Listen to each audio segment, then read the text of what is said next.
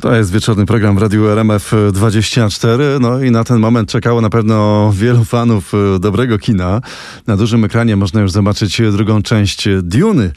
No i z nami teraz e, przy telefonie mm, Katarzyna Czajka-Kominiarczuk, autorka bloga Zwierz Popkulturalny, prowadząca również w każdą sobotę w RMF Classic program o serialach Uniwersum RMF Classic. Dobry wieczór, witamy. Dobry wieczór. Widziałaś już e, ten film? Podobał się? Ale prosimy bez spoilerów. Nie widziałam. I to jest strasznie żenujące. Miałam obejrzeć wczoraj, ale mnie niestety obowiązki odciągnęły, ale przeczytałam o nim tak dużo, że czuję prawie jakbym go już widziała. Pierwsza część Duny wniosła sporo świeżości, zwłaszcza do, do, do kina science fiction. Z drugą częścią jest y, podobnie? No druga część e, podobno nawet przebija pierwszą. E, przede wszystkim dlatego, że ta pierwsza część Dune była takim wprowadzeniem, e, przenosiła nas do tej galaktyki, w której poznajemy bohaterów, poznajemy planetę Arrakis.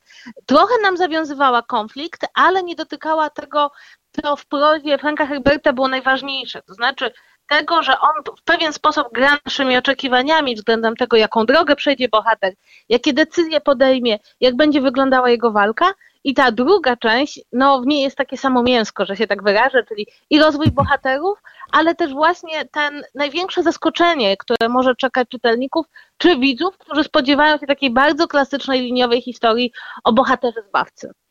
Trochę czekaliśmy na tę drugą część. Premiera była przesuwana przez innymi strajk w Hollywood. Mogło to też wpłynąć na samą produkcję? E, to znaczy sama produkcja tutaj e, w chwili strajku Hollywood była już zakończona, to raczej była też kwestia tego, żeby e, ten film pojawił się w takim momencie, w którym wszyscy już wrócą do kin, bo jest to film zdecydowanie kinowy i w którym będzie można go w odpowiedni sposób także wypromować, bo to też jest taki film, który w olbrzymi sposób przyciąga nas no, tym, co widzimy na ekranie, to znaczy aktorami, e, tym, co wytworzyli twórcy i chcemy posłuchać po prostu, e, co twórcy mają do powiedzenia, a niekoniecznie jest to, e, niekoniecznie jest to możliwe, kiedy aktorzy nie mogą promować filmu, a tak było w czasie strajku, ale tym razem już film mógł wejść do kina zupełnie bez, bez żadnych przeciwności losu, nie mamy już pandemii, nie mamy już strajku, aktorzy mogli się pokazywać na czerwonym dywanie, mogli film promować, no i się i okazuje się, jak mówią wszystkie recenzje, że mamy do czynienia z takim filmem absolutnie spełnionym i skończonym. Wiele osób czytało też e, książkę Franka Herberta Duna. Czy, co się mówi? Czy, czy można ją porównać do, do filmu? E, na pewno, co bardzo warto powiedzieć, to pewnym bardzo charakterystycznym elementem powieści Franka Herberta e, jest jego styl. Frank Herbert napisał książkę w takim bardzo charakterystycznym, podniosłym stylu, ale napisał ją też w latach 60.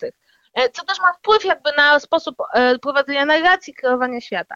E, w przypadku filmu mamy do czynienia z dziełem bardzo nowym, bardzo nowoczesnym, ale jeśli coś na pewno oddaje doskonale, to właśnie ten nastrój, nastrój powagi, że to nie jest opowieść czysto przygodowa, to nie jest tak jak Gwiezdne Wojny, e, gdzie bawimy się w pewną kosmiczną baśń. E, tutaj sięgamy poważniejszych tematów, e, tutaj ma to wszystko większą wagę. No i reżyser filmu Denis Villeneuve powiedział, że on najbardziej chciałby, żebyśmy wyszli z tego kina z obrazami, że dla niego kino to jest przestrzeń obrazu. To jest przestrzeń, w którym porozumiewamy się przez to, co widzimy mhm. i dla niego mniej ważny jest dialog, tylko bardziej ważna jest ta strona wizualna. No i pod względem wizualnym to jego filmy to jest absolutne zwycięstwo. To na koniec porozmawiamy jeszcze o samej obsadzie drugiej części Duny. Pojawiły się tu jakieś zaskoczenia? No, przez bardzo długi czas nie było wiadomo, e, kto zagra jedną z ról i okazało się, że tą z ról zagra Austin Butler i to było pewne, nawet nie tyle zaskoczenie, co po prostu olbrzymia radość, bo to bardzo, e, bardzo dobry aktor. E, pojawienie się w obsadzie Annie Taylor-Joy w takiej no, roli, której nie należy zdradzać, bo tutaj nawet twórcy filmu nie zdradzają z góry, kogo ona gra, też jest pewnym zaskoczeniem, bo nie była to aktorka, jest to aktorka znana, aktorka popularna, ale jej obecność w filmie nikt nie zapowiadał wcześniej. W związku z tym jest to dosyć ciekawy przykład tego, że mamy do czynienia z wielką produkcją, e, gdzie pojawiają się jeszcze jakieś e, drobne zaskoczenia czy jakieś e, drobne niedopowiedzenia. W związku z tym jakby powiem tak, to jest jeden z takich filmów, gdzie czytamy sobie listę osób w obsadzie i zastanawiamy się, jak się udało zebrać tyle wspaniałych aktorów i aktorek w jednej produkcji. A jednak się udało. To kiedy się wybierasz?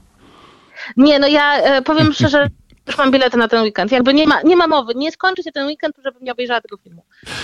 Bardzo dziękuję za rozmowę. Gościem Radia RMF24 e, była Kasia Czajka-Kominiarczuk, autorka bloga Zwierz Pop Kulturalny. No to do zobaczenia w kinie. Do zobaczenia.